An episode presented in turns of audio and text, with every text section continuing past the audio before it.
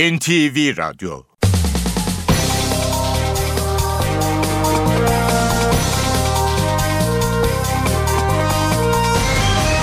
İşe Giderken Mutlu sabahlar ben Aynur Altunkaş. Bugün 11 Şubat Salı saat 9'a kadar Türkiye ve dünya gündemine yakından bakacağız. Ayrıntılara geçmeden önce haber başlıkları.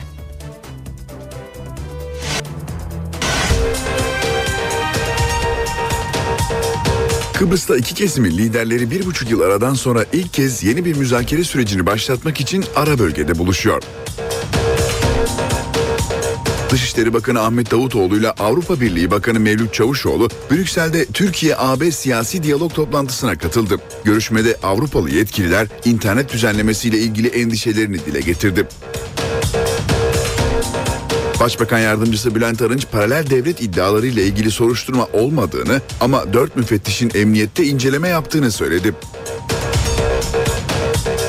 CHP'de aday belirleme sürecinde iki istifa yaşandı. Kırklareli Milletvekili Turgut Dibek ve aday gösterilmeyen Edirne Belediye Başkanı Hamdi Sedefçi istifa etti. Trabzonspor Teknik Direktörü Mustafa Reşit Akçay 4-2'lik Akhisar Belediyespor yenilgisi sonrası görevinden istifa etti. Spor Toto Süper Lig'in 15. haftasında oynanan ve kural hatası nedeniyle durdurulan Kasımpaşa Beşiktaş maçı bugün oynanacak. Karşılaşma saat 20'de başlayacak. İşe giderken gazetelerin gündemi.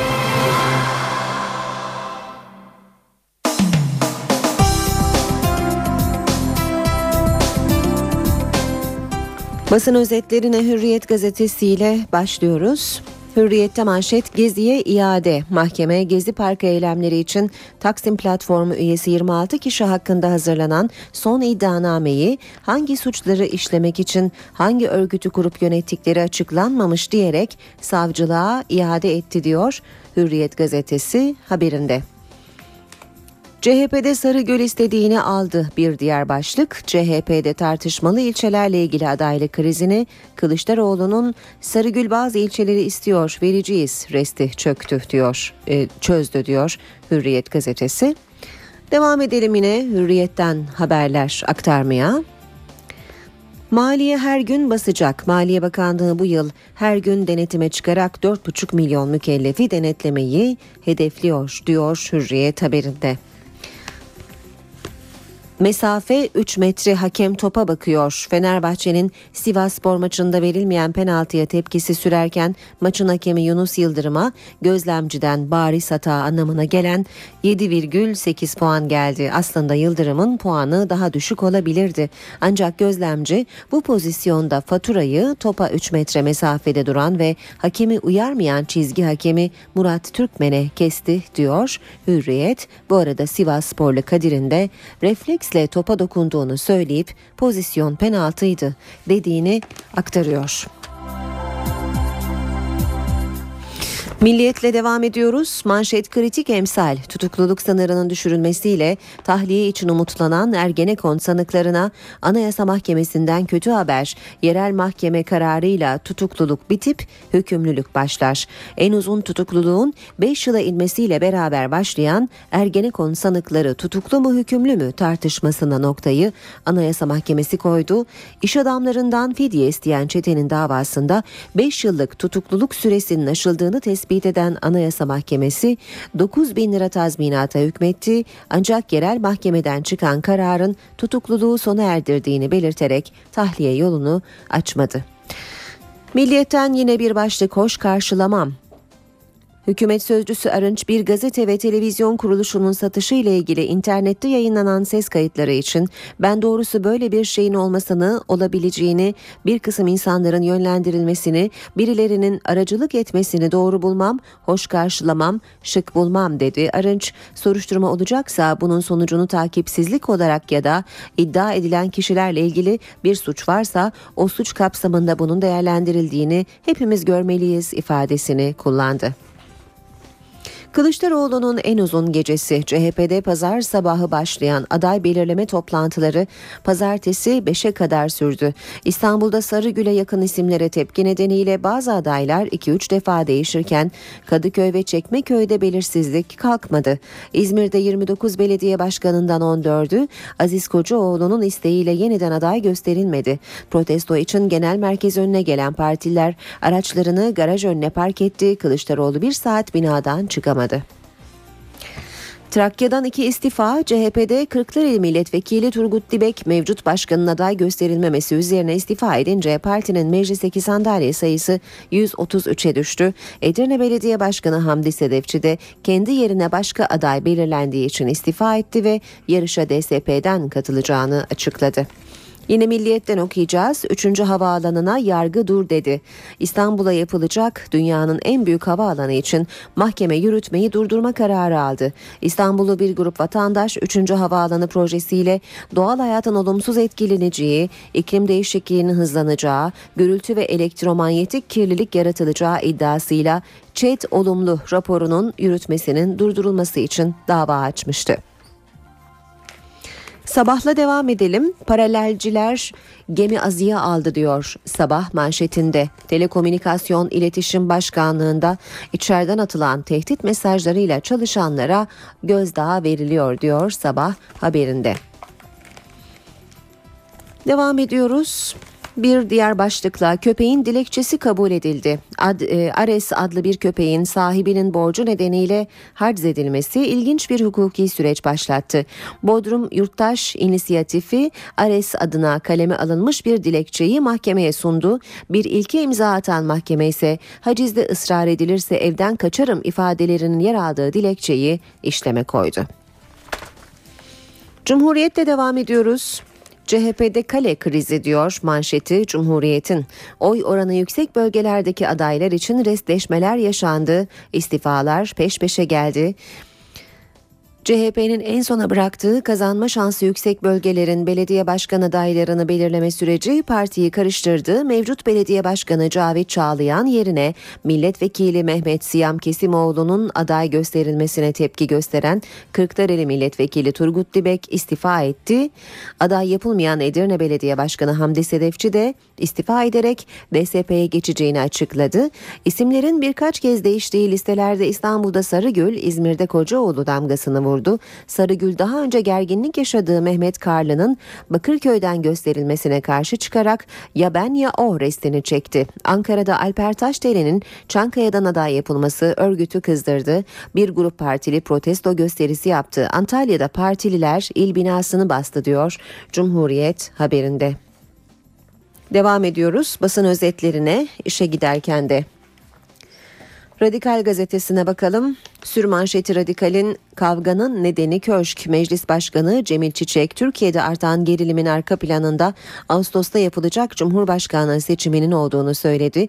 Çiçek, Çiçek'in açıklamaları Radikal'in e, sür manşetinde yer alıyor. Star'a bakalım. Star'ın manşeti böcekleri çaldılar şimdi dinliyorlar. Seçim ayarlı 17 ve 25 Aralık operasyonlarını yapan paralel yapıya bağlı polislerin dinleme yapmak için yüzlerce teknik takip ve izleme cihazını beraberinde götürdüğü ortaya çıktı diye yazıyor Star gazetesi haberinde. Zaman gazetesinin manşeti ise Urla'da sit alanındaki hazine arazisine bile villa yapmışlar. Urla'da sit alanında bulunan Maliye ait hazine arazisine de kaçak villa yapıldığı belirlendi diyor zaman. Villaların yapılacağı sit alanının birinci dereceden üçüncü dereceye düşürülmesi için başbakanın devreye girdiği iddia edilmiş. Ses kayıtları internette yayınlanmıştı. Hazine arazisi üzerine inşaat yapıldığı gerekçesiyle villa sahiplerine 70.166 lira para cezası kesildiği öğrenildi diyor Zaman gazetesi haberinde. Haber Türkiye bakalım.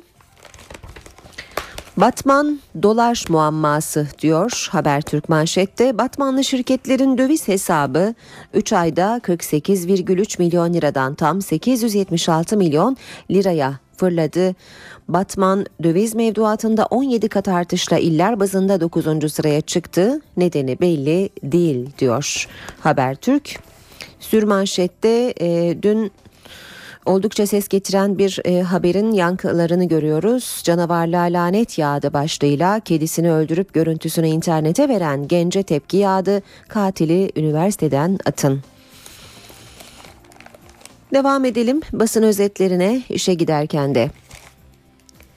Yeni Şafak gazetesi eş başkan CHP'yi böldü diyor manşetinde. CHP'nin liderliğini oynayan Sarıgül e, İstanbul'un ilçelerinde aday dayatması yapınca partiyi karıştırdı. Merkez Yönetim Kurulu Kadıköy ve Bakırköy için karar veremezken sızan isimler teşkilatları isyan ettirdi. Aday krizi diğer illere de sıçradı. İstifalar peş peşe geldi.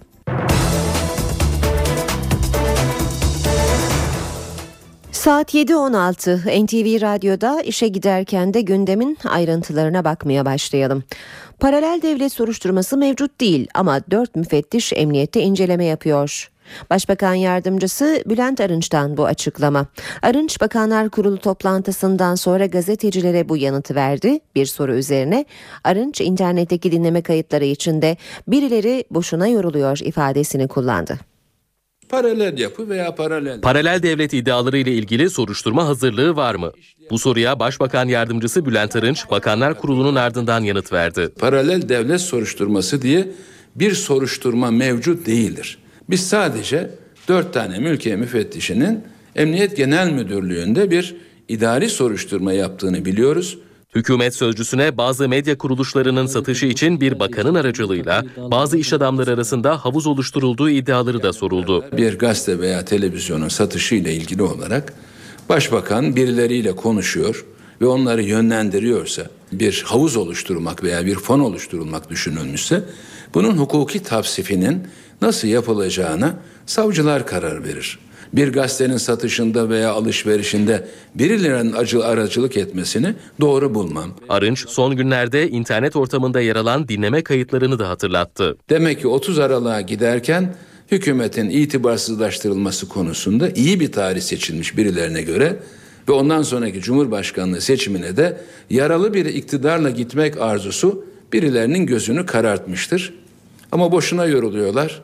Bülent Arınç dış basında yer alan ve Paris cinayetleriyle MIT'i ilişkilendiren haberlere de tepki gösterdi.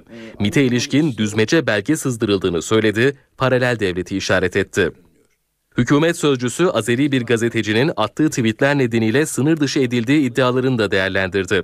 Gazetecinin tweetleri nedeniyle değil, çalışma izni bittiği için ülkesine gönderildiğini söyledi. Enerji ve Tabi Kaynaklar Bakanı Taner Yıldız 17 Aralık operasyonundan sonra yaşanan gelişmeleri NTV yayınında değerlendirdi.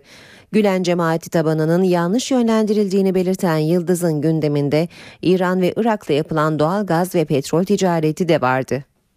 Bazı arkadaşların önemli kısmını tenzihen söylüyorum. Tırnak içerisinde ben bunu duyduğum ve üzülerek şahit olduğum için diyorum. Tırnak içerisinde uzun adamın ölümün 3 yıldan beri istiyoruz ama hala ölmedi denmezdi. Ben bunu duyduğumda dondum kaldım. Yani başbakanı ima ediyorlar. Evet sizin o Enerji ve Tabi Kaynaklar Bakanı Taner Yıldız dün 45 dakika programında Mehmet Barlas'ın sorularını yanıtladı. Taner Yıldız cemaat tabanının yanlış yönlendirildiğini söyledi. Bu işin tabanında gördüğüm arkadaşlardan açıkça söylüyorum benden daha samimi, daha dürüst olan arkadaşlarıma ben şahit oldum. Ama bunun haricinde bir yapı çok farklı bir şekilde yönlendiriyor.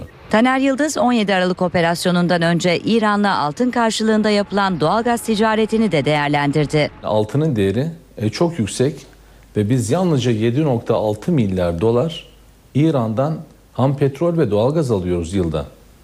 Bunların her birisini mercimekle falan karşılayamazsınız.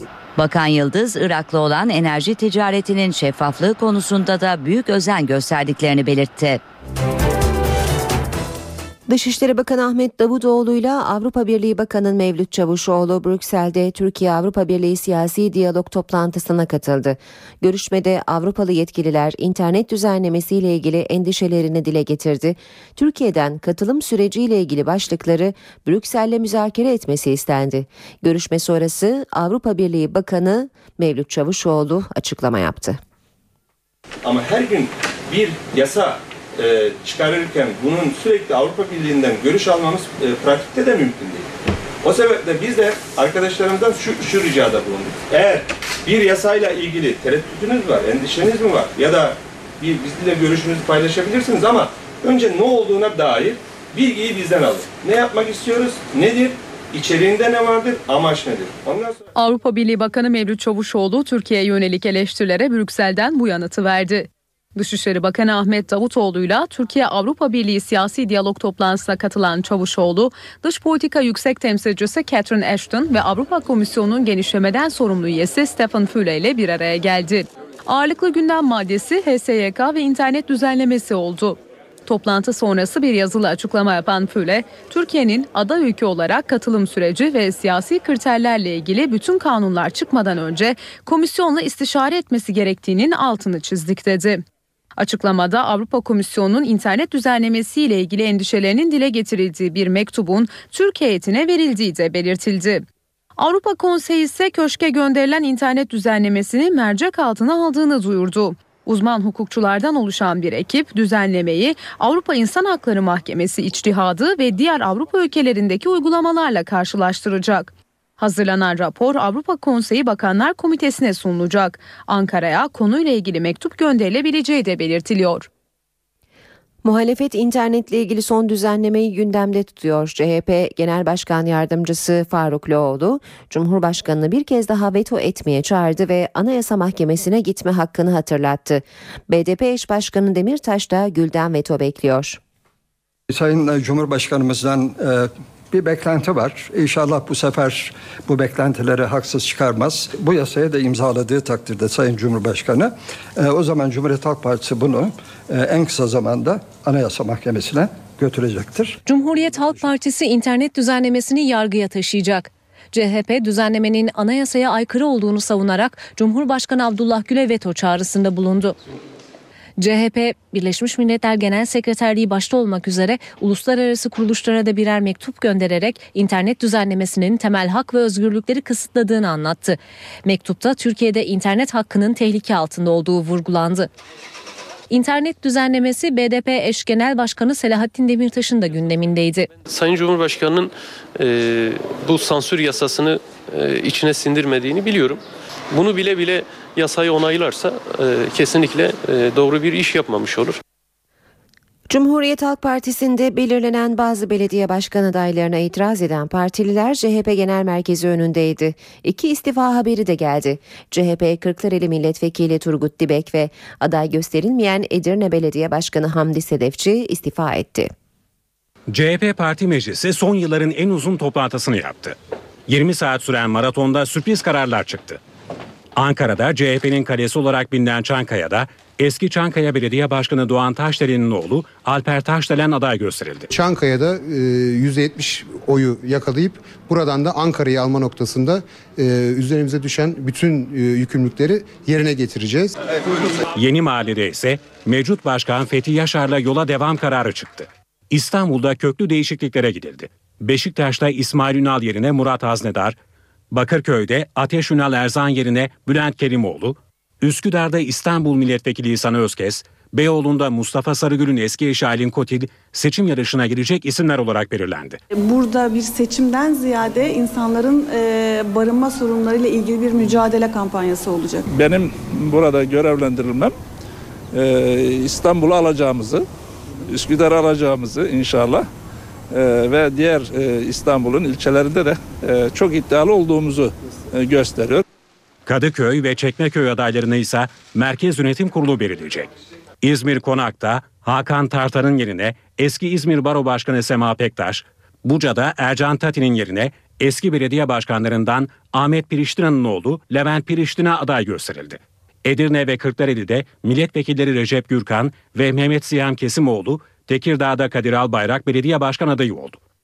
Abdullah Öcalan'ın internete sızdırılan sorgu kasetlerine BDP eş başkanı Selahattin Demirtaş'tan tepki geldi.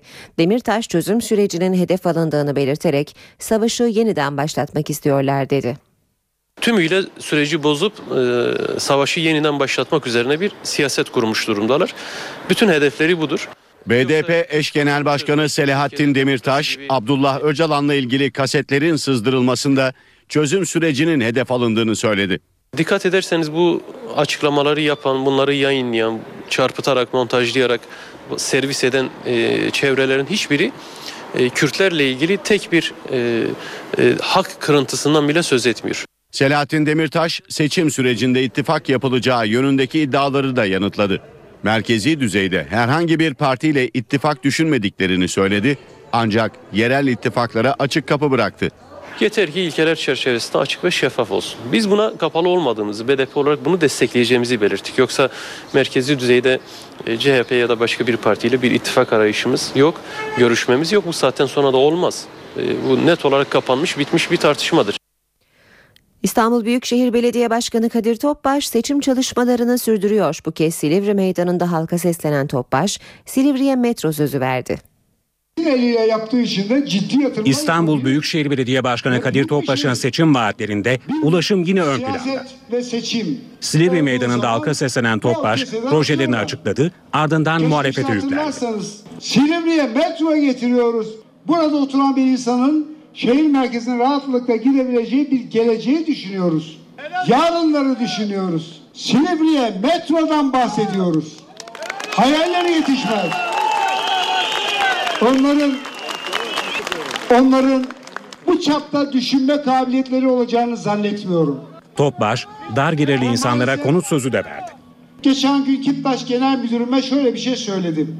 Bak bundan sonra lüks binalar yapmayacaksın dedim. Dar gelirli insanların konut sahibi olma hayalini kuramayanlara kira öder gibi konut yapacaksın dedim. Üçüncü kez İstanbul Büyükşehir Belediye Başkanlığı için aday olan Topbaş son kez yerel seçim yarışına girdiğini söyledi. Benim için bir karne olacak karne. Geçer mi? Takdir mi? Teşekkür mü? iftihar mı? Bunu göreceğiz. Benim de son dönemim olan bu sandık başı bir ayrı farklılık benim için taşımaktadır.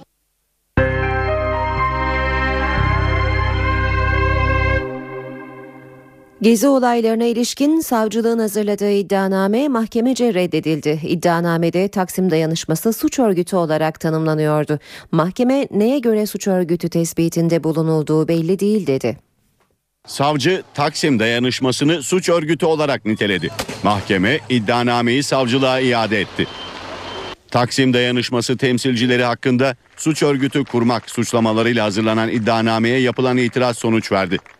İstanbul Tabip Odası Genel Sekreteri Ali Çerkezoğlu adına yapılan itiraz başvurusunu iddianamenin gönderildiği 33. Asliye Ceza Mahkemesi hakimi yerinde buldu. Taksim dayanışmasının suç örgütü olarak gösterildiği iddianameyi reddetti. Gerekçe olaraksa şüphelilerin hangi kanundaki hangi suç veya suçları işlemek için örgüt kurduklarının anlaşılamamasını gösterdi. İddianamede Taksim Dayanışması temsilcilerinden Ali Çerkezoğlu, Mücella Yapıcı, Beyza Metin, Ender İrmek, Haluk Ağabeyoğlu suç işlemek amacıyla örgüt kurmak suçundan 29'ar yıla kadar hapsi istenmişti. Diğer 21 kişi içinse izinsiz gösteri, kamu malına zarar vermek iddiasıyla 10'ar yıla kadar hapis cezası istenmişti. Söz konusu isimler 8 Temmuz 2013'te İstanbul Valiliği'nin yeniden halka açıldığını söylediği Gezi Parkı'na basın açıklaması yapmaya giderken gözaltına alınmışlardı. Savcılık iddianameyi yeniden yazacak. Örgüt suçlamasını yinelemek içinse daha fazla delile ihtiyaç olacak. Erzincan'da Gezi Parkı eylemlerine destek verdikleri iddiasıyla yargılanan 8 kişi hakkında tahliye kararı çıktı. Erzurum 4. Ağır Ceza Mahkemesi'nde yapılan duruşmada söz alan tanıklar polise yönelik sözlü ya da fiili herhangi bir saldırıda bulunmadıklarını ve herhangi bir yerden talimat almadıklarını söyledi. Sanık ve avukatlarının savunmalarını dinleyen mahkeme sanıkların tutuklu kaldıkları süre ve delillerin toplanmış olduğunu dikkate alarak tahliyelerine karar verdi. Sanıkların provokatörlük yaptıkları ve yasa dışı bir örgüte üye oldukları gerekçesiyle 33 yıla kadar hapis cezası isteniyordu. İstanbul Beşiktaş'ta Berkin Elvan isimli gencin gezi olaylarında yaralanmasını protesto eden göstericilerle seçim çalışması yapan AK Partililer arasında tartışma yaşandı. Beşiktaş'a seçim çalışmaları için getirilen AK Parti'ye ait karavan bir grup tarafından protesto edildi. Gezi Parkı eylemleri sırasında gaz fişeği kapsülüyle başından yaralanan ve halen hastanede tedavi gören Berkin Elvan için eylem yapan grup seçim aracına tepki gösterdi. Protestocularla AK Partililer arasında arbede yaşandı. Protestoculara polis müdahale etti. Bazı eylemciler gözaltına alındı. AK Parti'nin seçim karavanı başka bir yere götürüldü.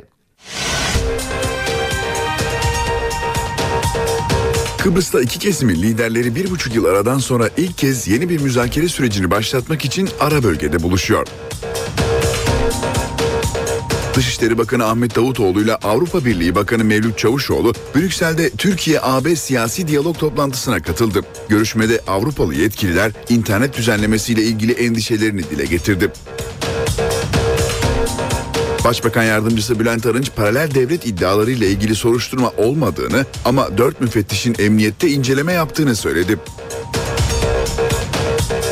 CHP'de aday belirleme sürecinde iki istifa yaşandı. Kırklareli Milletvekili Turgut Dibek ve aday gösterilmeyen Edirne Belediye Başkanı Hamdi Sedefçi istifa etti.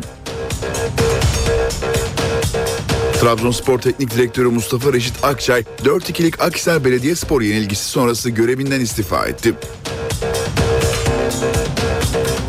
Spor Toto Süper Lig'in 15. haftasında oynanan ve kural hatası nedeniyle durdurulan Kasımpaşa Beşiktaş maçı bugün oynanacak. Karşılaşma saat 20'de başlayacak.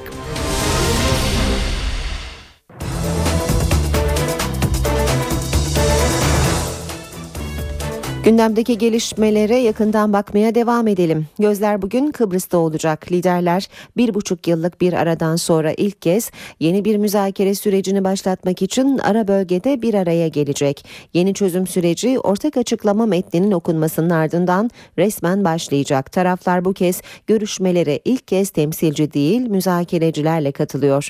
Tecrübeli bir diplomat olan Kudret Özersay Türk tarafını müzakere masasında temsil edecek. Kıbrıs Kıbrıs'ta varılacak çözümün iki toplumlu, iki bölgeli, siyasi eşitliğe dayalı bir federasyon olması hedefleniyor. Irak Meclis Başkanı Usame Nuceyfi Musul'da suikast girişiminden kurtuldu. Türkiye'yi geçen hafta ziyaret eden Irak Meclis Başkanı Usame Nuceyfi'ye dün memleketi Musul'da bir suikast girişimi düzenlendi. Sünni siyasetçi Nuceyfi Musul'da konvoyunu hedef alan bombalı saldırıdan yara almadan kurtuldu. Konvoydaki iki koruma ise yaralandı. Burada Bağdat yakınlarındaki bir başka olayda 21 kişi intihar saldırısı için hazırladıkları patlayıcı yüklü aracın yanlışlıkla infilak etmesi sonucu öldü. Patlamanın militanların propaganda amaçlı video çektikleri sırada meydana geldiği bildirildi. Suriye yönetimiyle muhalifler arasındaki barış görüşmelerinin ikinci turu İsviçre'nin Cenevre kentinde başladı. Görüşmeler kapsamında Birleşmiş Milletler'in Suriye özel temsilcisi Lahtar Brahimi, Cuma günü Rus ve Amerikalı yetkililerle bir araya gelecek. Brahimi, ikinci tur görüşmelerde ateşkesin sürmesi ve geçici yönetimin oluşturulması konularının masaya yatırılacağını söyledi. Ayrıca tarafların siyasi isteklerini açıklamasını talep edeceğini de kaydetti. Yeniden yurda dönüyoruz. Hatay'ın Reyhanlı ilçesinde 53 kişinin hayatını kaybettiği bombalı saldırılarla ilgili davanın ilk duruşması yapıldı. Patlamada hayatını kaybedenlerin yakınları da duruşma salonundaydı. 53 kişinin hayatını kaybettiği Reyhanlı saldırısında sanıklar ilk kez hakim karşısına çıktı. Adana 8. Ağır Ceza Mahkemesi'ndeki duruşmaya 15 tutuklu sanık ve ölenlerden bazılarının yakınları katıldı. Saldırının bir numaralı faili olarak gösterilen Nasır Eski Ocak ve dört sanık ifade vermek istemedi. Daha sonra savunma yapacaklarını söyledi. Savunma yapan 10 sanıksa hem suçlamaları hem de daha önce verdikleri ifadeleri kabul etmedi. Saldırıda patlatılan araçlardan birinin sahibi olan Mehmet Genç, bombalı eylemlerden haberi olmadığını, ailecek görüştükleri Nasır Eski Ocak'la birlikte iş yapmak için araç satın aldıklarını anlattı. Sanıklardan İlhan Küçüklüveyki de iş gereği birkaç sanığa telefon hattı sattığını söyledi. Duruşmayı CHP Hatay Milletvekili Refik Er Yılmaz'la takip etti. 17 yaşındaki Oğulcan Tuna'nın ailesi de duruşmadaydı. O diyor ben patlatmadım, bu diyor patlatmadım. O zaman ben patlattım bombayı. Çıkarsınlar patlatan o zaman. Mutlaka adalet yerini bulmalı. Uca kimi, kime dokunursa dokunsun. Mahkeme heyeti 15 sanığın tutukluluk halinin devamına karar verdi. Aralarında eylemi planladığı öne sürülen Miraç Ural'ın da bulunduğu 5 firari zanlı için yakalama kararı çıkarıldı. Bir sonraki duruşma 13 Mayıs'ta yapılacak. İkisi Suriyeli 33 sanıktan 19'u hakkında devletin birliğini ve bütününü bozmaya teşebbüsten ağırlaştırılmış müebbet hapis ve 52'şer kez ağırlaştırılmış müebbet hapis cezası isteniyor. Türkiye ile Bulgaristan arasındaki belge krizine tepki gösteren Bulgar nakliyeciler sınırı trafiğe kapattı. İki sınır kapısı tırlarla ulaşıma kapatıldı. Geçiş belgesi olan sürücüler dahi eylem yüzünden mağdur oldu. Türkiye ve Bulgaristan arasındaki transit geçiş belgesi sorununa bir de protesto eklendi. Bulgar nakliye firmaları Bulgaristan'ın kapitan Andrei Ovo ile Lesova sınır kapısını tırla ulaşıma kapattı. Harcırakla çalışıyoruz. E, gidip geldiğin zaman para alıyor. Maaşımız yok. E, burada yattığın zaman bir ayda sürse aynı para, 10 günde sürse aynı para. Sorunun çözülmesi için Türk ve Bulgar tarafının anlaşmasını bekleyen nakliyeciler yaklaşık iki haftadır mağdur. Sadece Türkler değil, Bulgar nakliyeciler de zararlı. Mağduruz diyor kapattılar. Mağdur olan da biziz. Biz de mağduruz. 10 gündür arabam içeride. Ulaştırma Bakanlıkları görüşmediği sürece çözüm olmayacak. Yani bu şoförün nakliyecinin yapacağı bir iş değil. Bulgaristan'la Türkiye arasındaki geçiş belgesi sorunu son bir yılda dört kez yaşandı. Tır şoförleri soruna geçici değil, kalıcı çözüm bekliyor. Bütün problem bu büyük şirketlerde. Şimdi büyük şirketler sen bölgesine geçer. Ee, biz e, olur 10 gün Bulgaristan'da kamyonlar yüklü, mallar bozulur. Eylem yapan nakliyeciler zaman zaman tepkiyle de karşılaştı. Türkiye'den aldığı yükü Moldova'ya taşımak isteyen bir tır sürücüsü yolu kapatan Bulgar tır şoförleriyle tartıştı. Geçiş belgesi olmasına rağmen beklemek zorunda kalan sürücü, eylem yapan tır şoförlerini ikna edemeyince sınırı geçemedi.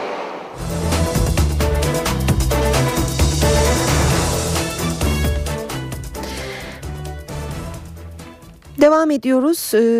İşe giderkene haberlerle İstanbul 4. İdare Mahkemesi 3. Havalimanı Projesi ile ilgili çevresel etki değerlendirmesi olumlu kararının yürütmesini durdurma kararı aldı. Mahkemeye sunulan şikayet dilekçesinde projedeki jeolojik ve meteorolojik verilerin hatalı olduğu öne sürülmüştü. Ayrıca proje yüzünden tarım, orman ve içme suyu alanlarının tahrip edileceği iddia edilmişti. Dava dosyasını değerlendiren mahkeme heyeti konuyla ilgili bir bilirkişi incelemesi yaptırılmasına hükmetti. Mahkeme bu rapor tamamlanıncaya kadar çevresel etki değerlendirmesi olumlu kararının yürütülmesini durdurma kararı verdi. İstanbul Esenyurt'ta bir fabrikanın çalışanları toplu iş sözleşmeleri için yapılan görüşmeler sonuçsuz kalınca greve gitti. 650 işçi fabrikada üretimi durdurdu. Dün öğle saatlerinden beri fabrikadan ayrılmayan işçiler gece halay çekti, sloganlar attı. İşçiler taşeron olarak çalışmaktan rahatsız olduklarını ve anlaşma sağlanıncaya kadar eylemlerini sürdüreceklerini belirtti. Adana'daki 10 Kasım törenleri sırasında Vali Hüseyin Avni Coş'a hakaret ettiği gerekçesiyle iki kişi hakkında hapis sistemiyle dava açıldı. Polisin kamera kayıtları incelendi. Adana valisine hakaret ettiği iddia edilen bir kişi hakkında 4 yıl hapis sistemiyle dava açıldı. Adana'da 10 Kasım törenlerinde Vali Hüseyin Avni Coş'la protestocu bir grup arasında tartışma yaşandı. Tartışma sırasında Vali Coş'un bir vatandaşa hakaret ettiği iddia edildi. Ancak valilik bu iddiayı yalanladı ve yanlış anlaşılma olduğu söylendi. Olaydan kısa süre sonra Vali Coş, tartışma anında kendisine hakaret edildiği gerekçesiyle savcılığa suç duyurusunda bulundu. Soruşturma başlatıldı, polisin çektiği görüntüler detaylı olarak incelendi. Vali Coş'a hakaret ettiği öne sürülen şüpheli Mustafa Onur hakkında tehdit ve hakaretten 4 yıl hapis sistemiyle dava açıldı. Diğer şüpheli Sezer Zeyn'in ise 2 yıla kadar hapsi isteniyor. Davaya Adana 8. Sulh Ceza Mahkemesi bakacak. Savcılık iddianamesinde sanıkların suçlamayı kabul ettikleri belirtildi. Yaşanan olaylarda valiyi protesto eden 9 kişiye kabahatler kanununa göre 186'şer lira para cezası kesilmiş ve zanlılar serbest bırakılmıştı. Diyarbakır'da 2012 yılında bir uzman çavuş kendisini terk eden eşine sinirlenip kayınvalidesini öldürmüştü. Dünse yine bir silahlı saldırıda o uzman çavuşun annesi kurşunların hedefi oldu. Bu kez katil eski eş. Diyarbakır'da bir yıl önce kayınvalidesini öldüren uzman çavuşun annesi öldürüldü. Uzman çavuşun eski eşi katil zanlısı olarak gözaltında. Kasım 2012'deki olayda uzman çavuş Mehmet Karadayı evi terk eden eşini almak için kayınpederinin evini bastı. Üzerinde el bombaları da olan uzman çavuşun açtığı ateş sonucu kayınvalidesi Edibe Karadayı yaşamını yitirdi. Kayınpederi yaralandı. Mehmet Karadayı kaçarken güvenlik güçleri tarafından vuruldu, yaralı olarak yakalandı. Dokuzar kez müebbet istemiyle tutuklu yargılanıyor. Cinayetten 14 ay sonra bu kez uzman çavuş Mehmet Karadayı'nın anne ve babası kurşunların hedefi oldu. Besa ve Ekrem Karadayı çiftine oturdukları sitenin girişinde ateş açıldı. Mehmet Karadayı'nın annesi Besra Karadayı öldü, babası Ekrem Karadayı ise ağır yaralandı. Görgü şahitlerinin ifadeleri polisi uzman çavuşun eski eşine götürdü. Bölgede elinde silahla görülen 23 yaşındaki Melek Karadayı saldırının faili olarak gözaltına alındı. Üç çocuk annesi kadının kayınvalide ve kayınpederine telefonla arayıp konuşmak için çağırdığı ve cinayeti işlediği iddia edildi. Diyarbakır'da eşcinsel olduğu gerekçesiyle babası ve iki amcası tarafından öldürülen Roşin Çiçek'le ilgili davada karar çıktı. Babaya ağırlaştırılmış müebbet, iki amcaya ise müebbet hapis cezası verildi. Duruşmada sanık yakınları davaya müdahil olmak isteyen CHP'li vekille LGBT üyelerine saldırınca devreye çevik kuvvet girdi. Henüz 17 yaşındaydı. Eşcinsel olduğu için babası ve amcaları tarafından öldürüldü. Babaya ağırlaştırılmış, iki amcaya ise müebbet hapis cezası verildi. Roşin Çiçek, cinsel eğilimi nedeniyle aile içi şiddete maruz kaldığı gerekçesiyle evden kaçtı. Cesedi Diyarbakır'da yol kenarında bulundu. Darp edilmişti ve başından silahla vurulmuştu. Roşin'i öldüren kurşunu inceleyen ekipler baba Metin Çiçek'i gözaltına aldı. Ayrıca telefon kayıtları incelendiğinde amcaları Şeymuz ve Alican Çiçek'in de cinayete karıştığı ortaya çıktı. Savcı baba için tasarlayarak kasten öldürme suçundan ağırlaştırılmış müebbet hapis cezası istedi. Amcalarınsa müebbet hapisle cezalandırılmasını talep etti. Davanın karar duruşması gergin başladı. CHP İstanbul Milletvekili Mahmut Tanal ve bazı sivil toplum örgütlerinin temsilcileri davaya müdahale olmak için talepte bulundu. Bu sırada sanık yakınları Tanal ve yanındaki heyete saldırmak istedi. Çıkan arbede çevik kuvvet tarafından güçlükle engellendi. Mahkeme heyeti müdahalelik taleplerini reddetti. Duruşmada son savunmasını yapan baba oğlunu kazayla öldürdüğünü söyledi. Mahkeme baba Metin Çiçek'e ağırlaştırılmış müebbet, iki amcaya ise kasten adam öldürmekten müebbet hapis cezası verdi. İşe giderken gazetelerin gündemi. Spor haberlerini aktaracağız gazetelerden. Fanatik gazetesi hedef göründü diyor manşette. Cimbom 3 kulvarda koşuyor, gol yemeden fark atarak kazanıyor. Lider Fenerbahçe'de sarı kırmızılılara çalışıyor.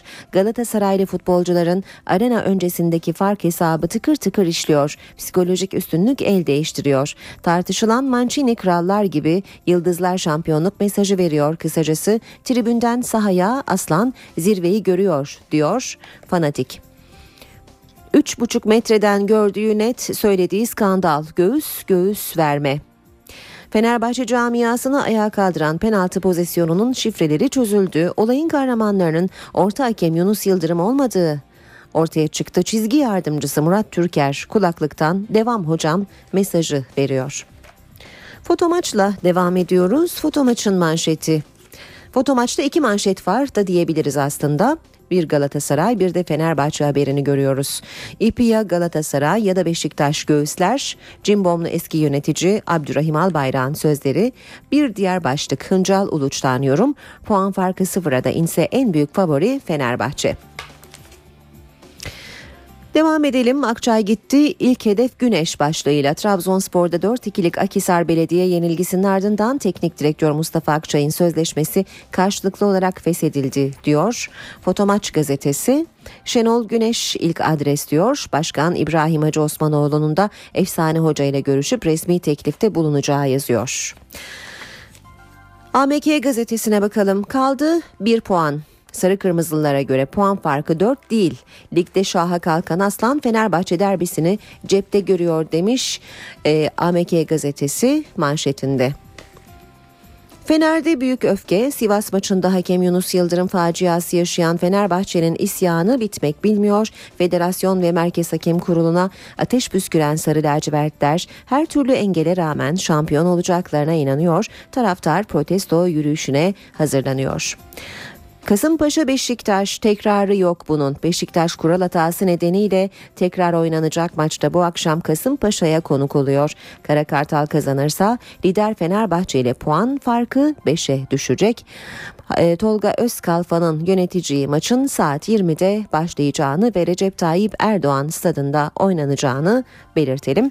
Bu bölümü böylece bitirelim. NTV Radyo Herkese yeniden günaydın. Yeni saate hava durumuyla başlayacağız. Gökhan Abur'la konuşacağız. Önce gündemin başlıklarını hatırlatalım kısaca. Kıbrıs'ta iki kesimin liderleri bir buçuk yıl aradan sonra ilk kez yeni bir müzakere sürecini başlatmak için ara bölgede buluşuyor. Dışişleri Bakanı Ahmet Davutoğlu ile Avrupa Birliği Bakanı Mevlüt Çavuşoğlu Brüksel'de Türkiye-AB siyasi diyalog toplantısına katıldı. Görüşmede Avrupalı yetkililer internet düzenlemesiyle ilgili endişelerini dile getirdi. Başbakan Yardımcısı Bülent Arınç paralel devlet iddiaları ile ilgili soruşturma olmadığını ama dört müfettişin emniyette inceleme yaptığını söyledi. CHP'de aday belirleme sürecinde iki istifa yaşandı. Kırklareli Milletvekili Turgut Dibek ve aday gösterilmeyen Edirne Belediye Başkanı Hamdi Sedefçi istifa etti. Trabzonspor Teknik Direktörü Mustafa Reşit Akçay 4-2'lik Akhisar Belediyespor yenilgisi sonrası görevinden istifa etti. Spor Toto Süper Lig'in 15. haftasında oynanan ve kural hatası nedeniyle durdurulan Kasımpaşa Beşiktaş maçı bugün oynanacak. Karşılaşma saat 20'de başlayacak. Kış ortasında kimi illerimizde bahar havası yaşanıyor. E, 20 dereceleri gördük. Gökhan Abur e, nedir e, bu tahminler, bu hava olayları? Normal midir? Evet Lodos Akdeniz'den ılık havayı taşımaya devam ediyor. Ilık hava e, özellikle bugün için iç kesimlere doğru da ilerleyecek ama doğu çok soğuk. Doğuda bugün de hava çok soğuktu. Hatta gece yarısı başlayan ve sabah erken saatlerde de devam eden Erzincan, Erzurum, Kars arasında hafif kar yağışı vardı. Yağışlar doğuya kaydı. Şu an itibariyle yalnızca Doğu Karadeniz bölgemizde yağış var. Bunlar kıyıda yağışlar e, yağmur şeklinde yüksek kesimlerde karla karışık yağmur şeklinde devam ediyor. Sıcaklıklar yarın daha da yükselecek. Özellikle Lodos sıcaklıkları yarın daha da yükseltecek. Örneğin bugün 20 derece olmasını beklediğimiz İzmir yarın 22 dereceyi görebilecek. İstanbul'da da sıcaklıklar oldukça yüksek. E, Şu an itibariyle İstanbul'da hava sıcaklığı 11 dereceye çıktı. Bugün İstanbul'da beklediğimiz en yüksek sıcaklık ise bir hayli yükseldi ve bakıyorum evet bugün işin beklediğimiz sıcaklık 17 derecenin üzerine çıkacak. Yarın birkaç derece daha artacak ama perşembe günü yağmur geliyor. Perşembe günü Marmara bölgesi yağmurlu ama asıl yağışların çarşamba gecesi Kıyı Ege'de başlamasını bekliyoruz. Kıyı Ege'de başlayacak ve Trakya'nın özellikle Saros Körfezi, Çanakkale Boğazı'nın o bölgeyi etkisi altına alacak yağışlar Perşembe günü Marmara'nın tamamı. Kıyı Ege hatta daha sonra İç Ege'ye doğru ilerleyecek Batı Akdeniz ve daha sonra Batı Karadeniz bölgesini etkisi altına alıp Cuma günü Batı ve iç kesimlerde aralıklarla devam edecek. Bu arada İstanbul'da da Perşembe günü yağış bekliyoruz. Tabi yağışla birlikte rüzgar kuzeye dönecek ve rüzgarın kuzeye dönmesi sıcaklıkları Batı bölgelerde yeniden 4-5 derece azaltacak ama bu azalış e, yine mevsim ortalamalarının altında olmayacak. Evet e, Rüzgarların değişimi demiştim. Son derece değişken hava koşulları var. Evet şu anda İstanbul'u verdim ama Ankara'da sıcaklık hala eksi bir derece. Bugün Ankara'da beklediğimiz en yüksek sıcaklık da yine mevsim ortalamaları üzerinde ve 15 derece civarında olacak. İzmir'de ise şu anda hava sıcaklığı 7 derece. İzmir'de hava açık. Ve İzmir'de beklediğimiz bu bugünkü en yüksek sıcaklık ise 20. Yarın ise biraz önce de söylediğim gibi 22 derece civarında olacak. Evet lodos lodos lodos ani sıcaklık değişimleri haftayı böyle geçiriyoruz ama yağış da geliyor. Doğuda da sıcaklıklarda biraz yükseliş olacak. Bu ani sıcaklık değişimlerine karşı dikkatli olmakta fayda var diyorum. Gökhan Abur teşekkürler. İşe giderken gazetelerin gündemi.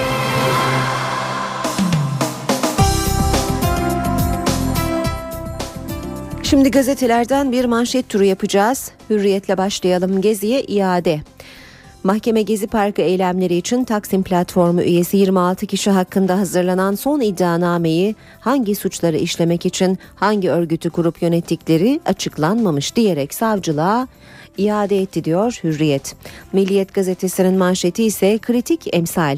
Tutukluluk sınırının düşürülmesiyle tahliye için umutlanan Ergenekon sanıklarına Anayasa Mahkemesi'nden kötü haber, yerel mahkeme kararıyla tutukluluk bitip hükümlülük başlar. Sabahın manşeti paralelciler gemi azıya aldı. Telekomünikasyon İletişim Başkanlığı'nda içeriden atılan tehdit mesajlarıyla çalışanlara gözdağı veriliyor demiş Sabah gazetesi. Manşetinde Star'da ise böcekleri çaldılar şimdi dinliyorlar başlığı manşette. Seçim ayarlı 17 ve 25 Aralık operasyonlarını yapan paralel yapıya bağlı polislerin dinleme yapmak için yüzlerce teknik takip ve izleme cihazını beraberinde götürdüğü ortaya çıktı deniyor haberde. Zaman gazetesinin manşeti ise Urla'da sit alanındaki hazine arazisine bile villa yapmışlar.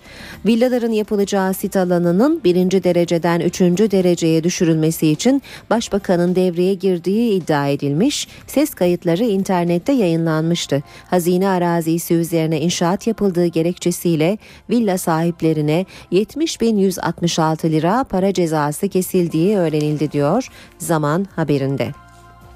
Cumhuriyete bakalım. CHP'de kale krizi manşeti var Cumhuriyet'te. Oy oranı yüksek bölgelerdeki adaylar için resleşmeler yaşandı. İstifalar peş peşe geldi. Mevcut belediye başkanı Cavit Çağlayan yerine milletvekili Mehmet Siyam Kesimoğlu'nun aday gösterilmesine tepki gösteren Kırklareli milletvekili Turgut Dibek istifa etti. Aday yapılmayan Edirne Belediye Başkanı Hamdi Sedefçi de istifa ederek Demokratik Sol Parti'ye geçeceğini açıkladı.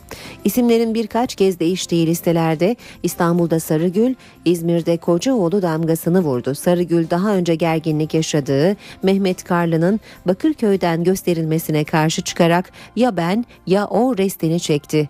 Ankara'da Alper Taşdeli'nin Çankaya'dan aday yapılması örgütü kızdırdı. Bir grup partili protesto gösterisi yaptı. Antalya'da partililer il binasını bastı. Yeni Şafak'ta eş başkan CHP'yi böldü manşetini görüyoruz. CHP'nin liderliğini oynayan Sarıgül İstanbul'un ilçelerinde aday dayatması yapınca partiyi karıştırdı diyor. Yeni Şafak Merkez Yönetim Kurulu Kadıköy ve Bakırköy için karar veremezken sızan isimler teşkilatları isyan ettirdi. Aday krizi diğer illere de sıçradı. İstifalar peş peşe geldi deniyor haberin ayrıntılarında. Radikal gazetesinin manşeti baskı benle ete kemiğe büründü. Medyaya baskıyı yansıtan tapelerin odağındaki isim Habertürk yayın yönetmeni Fatih Altaylı'nın açıklamalarını görüyoruz. Bu ilk defa medyaya baskının etiyle kemiğiyle ortaya çıkmasıdır. Habertürk'ün manşeti ise Batman muamması. Batmanlı şirketlerin döviz hesabı 3 ayda 48,3 milyon liradan tam 876 milyon liraya fırladı. Batman döviz mevduatında 17 kat artışla iller bazında 9. sıraya çıktı. Nedeni belli değil deniyor Habertürk'ün haberinde. 8.15'i gösteriyor saatimiz. Başkent gündemiyle devam edelim. Bu sabah karşımızda NTV muhabiri Özgür Akbaş var. Özgür günaydın. Günaydın Aynur. Ee, bugün grup toplantıları günü e, başkentte e, neler aktaracaksın bize? E, bugün gözler Türkiye Büyük Millet Meclisi'nde olacak. Siyasi tansiyonu oldukça yüksek bir gün olacak gibi gözüküyor. Önce siyasi partilerin grup toplantıları olacak. Her salı olduğu gibi liderler kürsüye çıkacaklar ve son dönemde yaşanan gelişmeleri meclis kürsüsünden değerlendirecekler.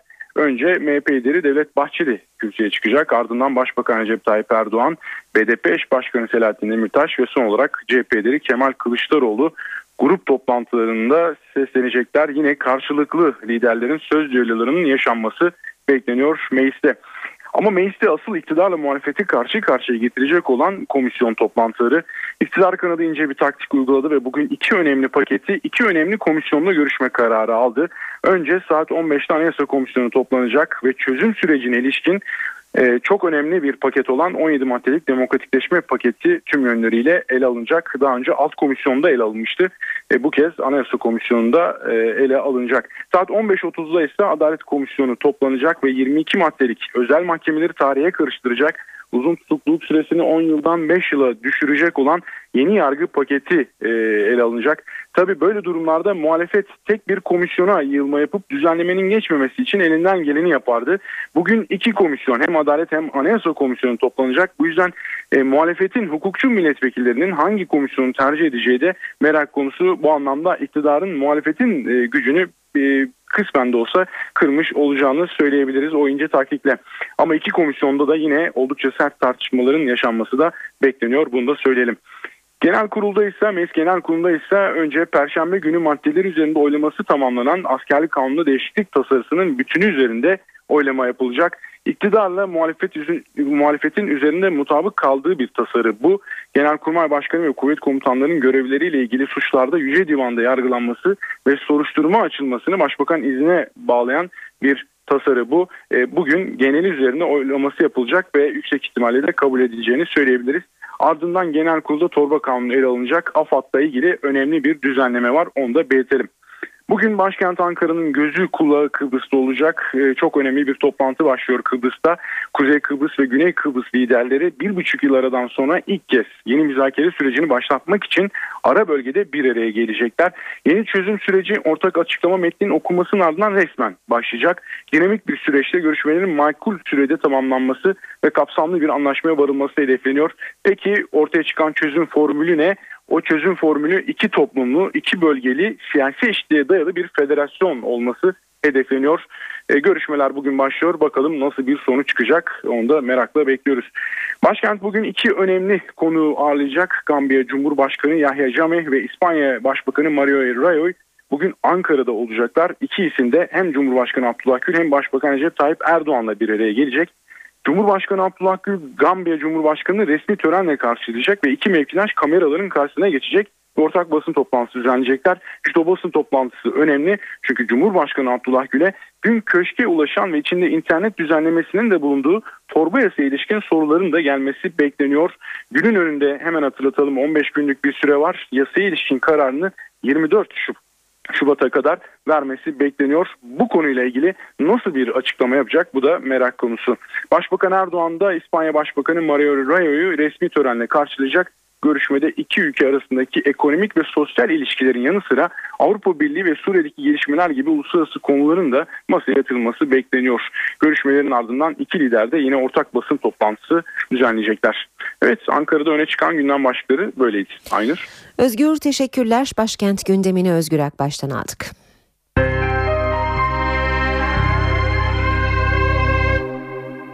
Gündemin öne çıkan haberleriyle devam edelim. Paralel devlet, telefon dinlemeler, internet düzenlemesi, medya kuruluşunun satışı için iş adamlarıyla para havuzu oluşturulması. Gündemdeki bu önemli konular Bakanlar Kurulu toplantısından sonra dün akşam hükümet sözcüsü Bülent Arınç'a soruldu. Arınç'ın yaptığı açıklamaları dinliyoruz. Paralel yapı veya paralel... Paralel devlet iddiaları ile ilgili soruşturma hazırlığı var mı? Bu soruya Başbakan Yardımcısı Bülent Arınç, Bakanlar Kurulu'nun ardından yanıt verdi. Paralel devlet soruşturması diye bir soruşturma mevcut değildir. Biz sadece dört tane mülkiye müfettişinin Emniyet Genel Müdürlüğü'nde bir idari soruşturma yaptığını biliyoruz. Hükümet sözcüsüne bazı medya kuruluşlarının satışı için bir bakanın aracılığıyla bazı iş adamları arasında havuz oluşturulduğu iddiaları da soruldu. Bir gazete veya televizyonun satışı ile ilgili olarak başbakan birileriyle konuşuyor ve onları yönlendiriyorsa bir havuz oluşturmak veya bir fon oluşturulmak düşünülmüşse bunun hukuki tavsifinin nasıl yapılacağına savcılar karar verir bir gazetenin satışında veya alışverişinde birilerinin acı aracılık etmesini doğru bulmam. Arınç son günlerde internet ortamında yer alan dinleme kayıtlarını da hatırlattı. Demek ki 30 Aralık'a giderken hükümetin itibarsızlaştırılması konusunda iyi bir tarih seçilmiş birilerine göre ve ondan sonraki Cumhurbaşkanlığı seçimine de yaralı bir iktidarla gitmek arzusu birilerinin gözünü karartmıştır. Ama boşuna yoruluyorlar. Bülent Arınç dış basında yer alan ve Paris cinayetleriyle MIT'i ilişkilendiren haberlere de tepki gösterdi. MIT'e ilişkin düzmece belge sızdırıldığını söyledi, paralel devleti işaret etti.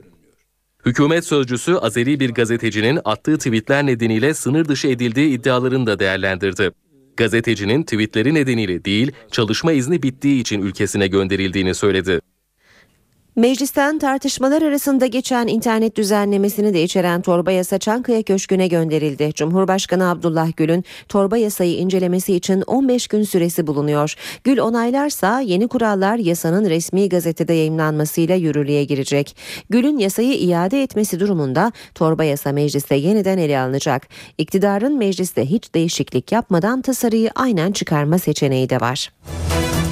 Gezi olaylarına ilişkin savcılığın hazırladığı iddianame mahkemece reddedildi. Mahkeme Taksim dayanışmasının suç örgütü olarak olduğu iddiasına karşı neye göre suç örgütü tespitinde bulunulduğu belli değil dedi. Savcı Taksim dayanışmasını suç örgütü olarak niteledi. Mahkeme iddianameyi savcılığa iade etti. Taksim dayanışması temsilcileri hakkında suç örgütü kurmak suçlamalarıyla hazırlanan iddianameye yapılan itiraz sonuç verdi. İstanbul Tabip Odası Genel Sekreteri Ali Çerkezoğlu adına yapılan itiraz başvurusunu iddianamenin gönderildiği 33. Asliye Ceza Mahkemesi hakimi yerinde buldu. Taksim dayanışmasının suç örgütü olarak gösterildiği iddianameyi reddetti. Gerekçe olaraksa şüphelilerin hangi kanundaki hangi suç veya suçları işlemek için örgüt kurduklarının anlaşılamamasını gösterdi. İddianamede Taksim Dayanışması temsilcilerinden Ali Çerkezoğlu, Mücella Yapıcı, Beyza Metin, Ender İrmek, Haluk Ağabeyoğlu suç işlemek amacıyla örgüt kurmak suçundan 29'ar yıla kadar hapsi istenmişti. Diğer 21 kişi içinse izinsiz gösteri, kamu malına zarar vermek iddiasıyla 10'ar yıla kadar hapis cezası istenmişti. Söz konusu isimler 8 Temmuz 2013'te İstanbul Valiliği'nin yeniden halka açıldığını söylediği Gezi Parkı'na basın açıklaması yapmaya giderken gözaltına alınmışlardı. Savcılık iddianameyi yeniden yazacak. Örgüt suçlamasını yinelemek içinse daha fazla delile ihtiyaç olacak. Cumhuriyet Halk Partisi'nde belirlenen bazı belediye başkan adaylarına itiraz eden partililer CHP Genel Merkezi önündeydi. İki istifa haberi de geldi. CHP Kırklareli Milletvekili Turgut Dibek ve aday gösterilmeyen Edirne Belediye Başkanı Hamdi Sedefçi istifa etti. CHP Parti Meclisi belediye başkan adaylarına karar verdi. Ancak bazı isimler partilileri memnun etmedi. Kırklareli'de milletvekili Siyam Kesimoğlu'nun aday gösterilmemesi üzerine CHP Kırklareli milletvekili Turgut Dibek partisinden istifa etti. Kırklareli'nin mevcut belediye başkanı Cavit Çağlayan'dan da istifa sinyali geldi. Arkadaşların önemli bir çoğunluğu Kesimoğlu'nun Kırklareli'nden aday olmasını e, kabullenemeyeceğini söylüyorlar. Bizim gibi adaya şu an hala teklifler var öyle diyeyim ya da. Aday gösterilmeyen Edirne Belediye Başkanı Hamdi Sedefçi ise Demokratik Sol Parti'ye geçti. CHP'de tepkiler yalnızca Trakya adaylarına yönelik değil. Ankara, İstanbul ve Antalya'nın ilçeleri için belirlenen bazı isimlerde tartışma konusu. Tepkiler parti meclisi sürerken genel merkez önüne yansıdı. Bazı partililer otoparkın çıkışını kapatınca genel merkezdeki üyeler uzun süre içeride kaldı. Ben hayatımda bu kadar sancılı bir süreç yaşamadım. Bunun ne kadar zor, ne kadar e, çetrefil bir e, e, süreç olduğunu e, gördüm. Antalya'da da gerginlik vardı. Muratpaşa ve Konyaaltı ilçeleri için belirlenen isimlere çok sayıda partili itiraz etti. Protestocular Muratpaşa Belediye Başkanı Evcilmen'in adaylığı açıklanıncaya kadar eyleme devam edeceklerini söyledi.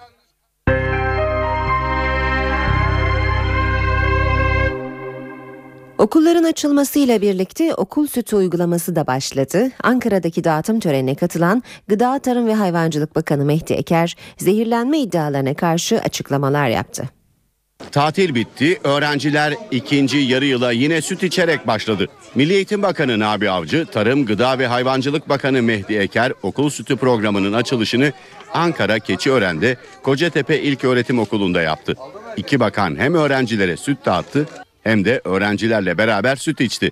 Okul sütü uygulamasının 3. yılında Tarım Bakanı Eker ilk yılda yaşanan olumsuzlukları hatırlattı. Ne geçen sene ne önceki sene hiçbir şekilde maalesef zehirlenme dediler adına çok yanlış bir şekilde.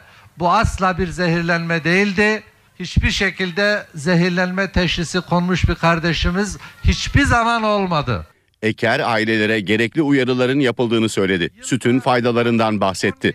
200 mililitrelik kutulardaki süt bizim günlük bir çocuğun besin ihtiyacının yüzde 52'sini karşılıyor. Protein ihtiyacının yaklaşık üçte birini karşılıyor. Okul sütü programıyla öğrencilere haftada 3 gün pazartesi, çarşamba ve cuma günleri süt dağıtılacak. Dünyada birçok ülkede bulunan kefalet sigortası 1 Şubat itibarıyla Türkiye'de de uygulamaya girdi. Böylece ev satışından ihalelere, tüketici kredilerinden kamu alacaklarına kadar birçok işlemde sigorta şirketleri şirketlere ve yöneticilere kefil olabilecek. Yani ödenemeyen krediler sigorta şirketleri tarafından ödenecek. Artık konut kredisi alırken teminata, kefile gerek yok. 1 Şubat'ta yürürlüğe giren yeni uygulamanın adı kefalet sigortası. Mevcut sistemde bankalar kredi kullanacak şirkete ipotek, rehin gibi teminatlar karşılığında kredi kullandırıyordu. Yeni düzenlemeyle kredi kullanan kefalet sigortası yaptıracak ve sigorta şirketleri de borçluya kefil olacak. Henüz çok yolun başındayız kefalet sigortası tanımlamasında. Size kuruluşların aslında finansal kuruluşların kredi vermesini sağlayabilecek bir düzenek. Aslında mevcut sistem tüketici kredilerine sigorta aracılığıyla zaten bir koruma sağlıyor. Ancak kefalet sistemiyle ise dolaylı olarak ev almak isteyen vatandaşa da koruma sağlandı. Çünkü maketten satış yapan inşaat şirketlerine projeyi tamamlayamaması riski nedeniyle kefalet sigortası yapma zorunluluğu getirildi. Olur da konjonktür problemli olur, e, umulmadık bir takım riskler çıkar ve bunun karşılığında tamamlanamazsa sigorta devreye girip farklı bir biçimde tamamlatacak. Yani bitirilmeyen projelerde sigorta şirketleri devreye girecek, vatandaşa evi teslim edecek. Vatandaş mağdur olmayacak. Saat 8.28 az sonra kısa bir ara vereceğiz ama ara vermeden önce piyasalara bakalım. BIST 100 endeksi dün %0,87 oranında değer kaybederek 64.050 puandan kapandı. Bu sabah dolar serbest piyasada 2.21, euro 3.02'den işlem görüyor. Euro dolar 1.37, dolar yen 102 düzeyinde. Altının onsu 1285 dolar, kapalı çarşıda külçe altının gramı 92, çeyrek altın 160 liradan satılıyor. Brent petrolün varili 109 dolar. Kıbrıs'ta iki kesimin liderleri bir buçuk yıl aradan sonra ilk kez yeni bir müzakere sürecini başlatmak için ara bölgede buluşuyor. Dışişleri Bakanı Ahmet Davutoğlu ile Avrupa Birliği Bakanı Mevlüt Çavuşoğlu Brüksel'de Türkiye-AB siyasi diyalog toplantısına katıldı. Görüşmede Avrupalı yetkililer internet düzenlemesiyle ilgili endişelerini dile getirdi. Başbakan Yardımcısı Bülent Arınç paralel devlet iddiaları ile ilgili soruşturma olmadığını ama dört müfettişin emniyette inceleme yaptığını söyledi. CHP'de aday belirleme sürecinde iki istifa yaşandı. Kırklareli Milletvekili Turgut Dibek ve aday gösterilmeyen Edirne Belediye Başkanı Hamdi Sedefçi istifa etti. Trabzonspor Teknik Direktörü Mustafa Reşit Akçay 4-2'lik Akhisar Belediyespor yenilgisi sonrası görevinden istifa etti. Spor Toto Süper Lig'in 15. haftasında oynanan ve kural hatası nedeniyle durdurulan Kasımpaşa Beşiktaş maçı bugün oynanacak. Karşılaşma saat 20'de başlayacak. Gündemde öne çıkan haberlere bakmaya devam ediyoruz. Alevi dedeleriyle Bektaşi babaları, Kültür ve Turizm Bakanlığı ve Türkiye Seyahat Acentaları Birliği ile kutsal işbirliğiyle kutsal topraklara gitti. 100 kişilik kafile Kerbela, Mekke, Medine şehirlerini ziyaret edecek. İlk defa gidiyorum canım. İnşallah hayırlı sürer gider gelir Allah cümlesine nasip etsin. O iki cihan serveri Muhammed Mustafa'nın türbesini ziyaret etmek, orada gözyaşı dökmek bizler için büyük bir lütuf, büyük büyük bir yani büyük bir hedef yani bizler için. Kerbela şehidi Hazreti Hüseyin türbesine gitmek bizim için büyük bir hedef. Necef, Kerbela, Mekke, Medine. Alevi dedeleri ve Bektaşi babaları Kültür ve Turizm Bakanı Ömer Çelik'in davetiyle ve TÜRSAP işbirliğiyle kutsal topraklara gitti. Bundan sonrasında daha çoğulcu, daha katılımcı e, heyetler oluşturarak bu ve benzeri hem Alevi kimliği için hem Kürt kimliği için hem diğer kimlikler için demokratik bir perspektifle ihtiyaç duyulan destekleri Kültür Bakanlığı vermeye devam edecek. Kutsal toprakları ilk kez ziyaret edecek olanlar heyecanlıydı. Ehli Beyt'i 12 imamları türbelerini ziyaret etmeye gidiyoruz. Ümremizi tamamlayacağız. Orada iki cihan selver Hazreti Muhammed Mustafa'nın kabrini Resulullah'a ziyaret edeceğiz. Ve böyle bir niyetimizle yola çıktık. Hazreti Peygamber Efendimiz'den onun evladiyetini ziyaret etmeyi cümlemize nasip ve müyesser eylesin. 100 kişilik kafile Irak'ın Kerbela şehrinde Celal Abbas, Hazreti Hüseyin, Hür Şehit türbelerini ve Kerbela savaş çadırlarını gezecek. Daha sonra Necef, Medine ve Mekke'deki kutsal mekanlar ziyaret edilecek. Umre için Kabe'ye gidilecek. 13 günlük yolculuk 22 Şubat'ta sona erecek. Osmanlı Padişahı Abdülhamid'in torunları İstanbul Galatasaray Adası, Kağıthane, Bakırköy ve Beşiktaş'ta araziler ve bazı tarihi konakların geri verilmesi için hukuk mücadelesi başlattı. Eğer veraset kabul edilirse taşınmazların tespiti için yeni bir dava açacaklar. Osmanlı arşivindeki belgelerden 250 kişilik varis listesi oluşturuldu ve gözler İstanbul Sulh Ceza Mahkemesi'ne çevrildi. Osmanlı'nın 34. padişahı Sultan Abdülhamit'in torunları hukuk mücadelesi başlattı. Eğer İstanbul Sulh Ceza Mahkemesi veraset davasını kabul ederse hak sahiplerine miras yolu açılacak. Abdülhamit'in torunlarının geri istediği yerler arasında Galatasaray Adası da bulunuyor. Mahkeme 27 Mart günü bir karar verecek. Veraset listesi kabul edilirse miras davasının önü açılacak. Önce müvekkillerimizin mirasçılık sıfatını kazanmasını sağlayacağız ve miras oranlarının paylarını belirleyeceğiz. Daha sonrasında ikinci bir dava açılıp e, miras konusu olan malların tespiti istenecek. 1924'te çıkartılan kanunla padişahların malları kamulaştırıldı ve varislerin hak iddia etmelerinin önü kapandı. Ancak varislere göre Abdülhamit'in durumu farklı. Biz bu kanunun müvekkillerimizi etkilemeyeceğini düşünüyoruz. Yani hukuken de böyle olması lazım. Çünkü bu kanun çıkarıldığı tarihte Abdülhamit zaten vefat etmişti 1918 yılında ve bizim müvekkillerimizin miras bırakanları zaten mirasçı olmuşlardı. Bosna Hersek'te hükümeti protesto gösterileri sırasında ateşe verilen binalardan birinde tarihi Osmanlı belgeleri olduğu ortaya çıktı. Tarihi belgelerin yangında zarar görmüş olmasından korkuluyor. Bosna Hersek'te Osmanlı Arşivi'nin geçen hafta düzenlenen protesto gösterilerinde zarar görmüş olmasından korkuluyor.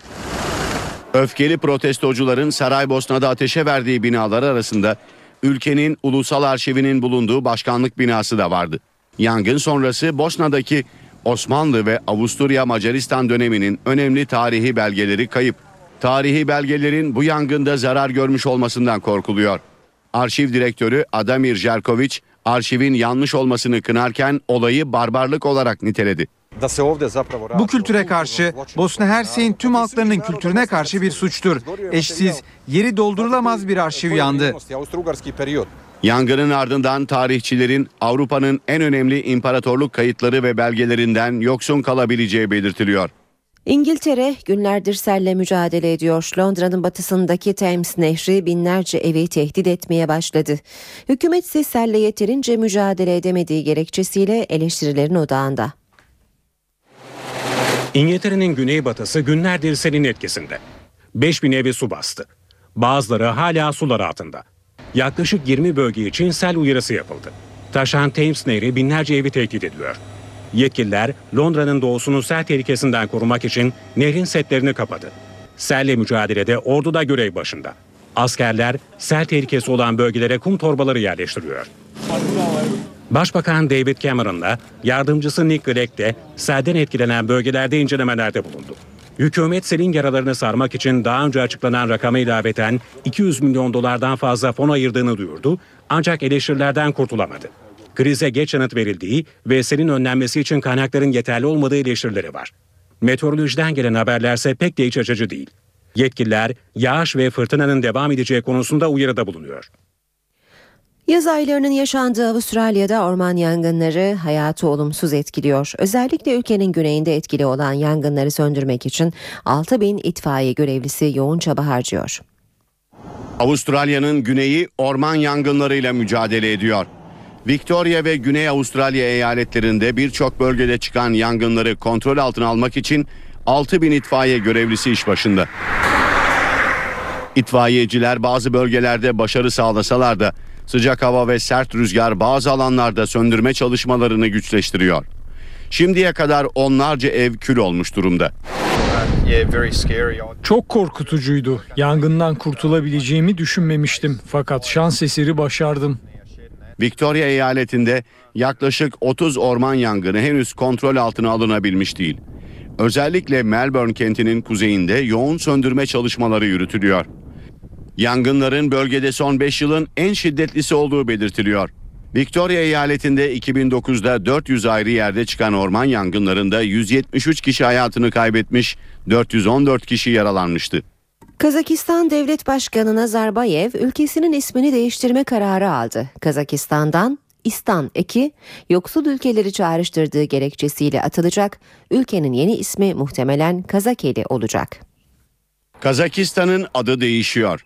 Devlet Başkanı Nur Sultan Nazarbayev ülkesinin isminde değişikliğe gitme kararı aldı. 73 yaşındaki Nazarbayev ülkesinin adından İstan kısmını atacak. Kararın nedeni Kazakistan'ın Özbekistan, Tacikistan ve Kırgızistan gibi daha yoksul olan Orta Asya ülkeleriyle anılmasını engellemek. Nur Sultan Nazarbayev yeni ismiyle Kazakistan'a daha çok yatırımcı ve turist çekmeyi hedefliyor. 1989'dan beri iktidarda olan Nazarbayev ülkesinin bundan sonra Kazak eli ya da Kazak milleti olarak anılmasını istiyor. Bunun için halka danışma hazırlığında. Kazak lider 1998'de de ülkesinin başkentini Almatı'dan Akmola'ya taşımıştı. Bir yıl sonra da Akmola ismi Astana olarak değiştirilmişti. 17 milyon nüfusu bulunan Kazakistan, Orta Asya'nın en büyük ekonomisine sahip ülkesi olarak biliniyor. Sinema dünyasından bir haberle bitireceğiz. İşe giderkeni Berlin Film Festivali'nde bu yıl filmlerden çok Amerikalı oyuncu Shia LaBeouf konuşuluyor. Genç oyuncu önce yeni filminin basın toplantısını terk etti, sonra da galaya kafasında bir kese kağıdıyla gitti. Amerikalı oyuncu Shia LaBeouf yeni filmi Nymphomaniac'ın galasına kafasında bir kese kağıdıyla katıldı. Oyuncu üzerinde artık ünlü değilim yazan kese kağıdıyla basına poz verdi. Danimarkalı yönetmen Lars von Trier'in yönetmenlik koltuğuna oturduğu filmin basın toplantısı da olaylı geçti. 27 yaşındaki oyuncu filmdeki cinsel içerikli sahnelerle ilgili kendisine yöneltilen soruya kısa bir yanıt verip salonu terk etti. When the seagulls follow the trawler, it is because they think sardines will be thrown into the sea. Thank you very much. Aynı sözleri Fransız futbolcu Eric Cantona 1995'te sarf etmişti. Kendisine hakaret eden bir taraftara saldırmasının ardından Cantona basına tepkisini bu sözlerle göstermişti. will be thrown into the sea. Thank you. Transformers ve Indiana Jones serilerinin oyuncusu Shia LaBeouf kısa bir süre önce çektiği kısa filmle eleştiri oklarını üzerine topladı. I'm sorry, but it's over. HowardCounter.com adlı filmin bir çizgi romandan çalıntı olduğu iddiası oyuncunun film çevreleri tarafından ağır bir dille eleştirilmesine neden oldu. Bu haberle işe giderken sona erdi. Hoşçakalın. NTV Radyo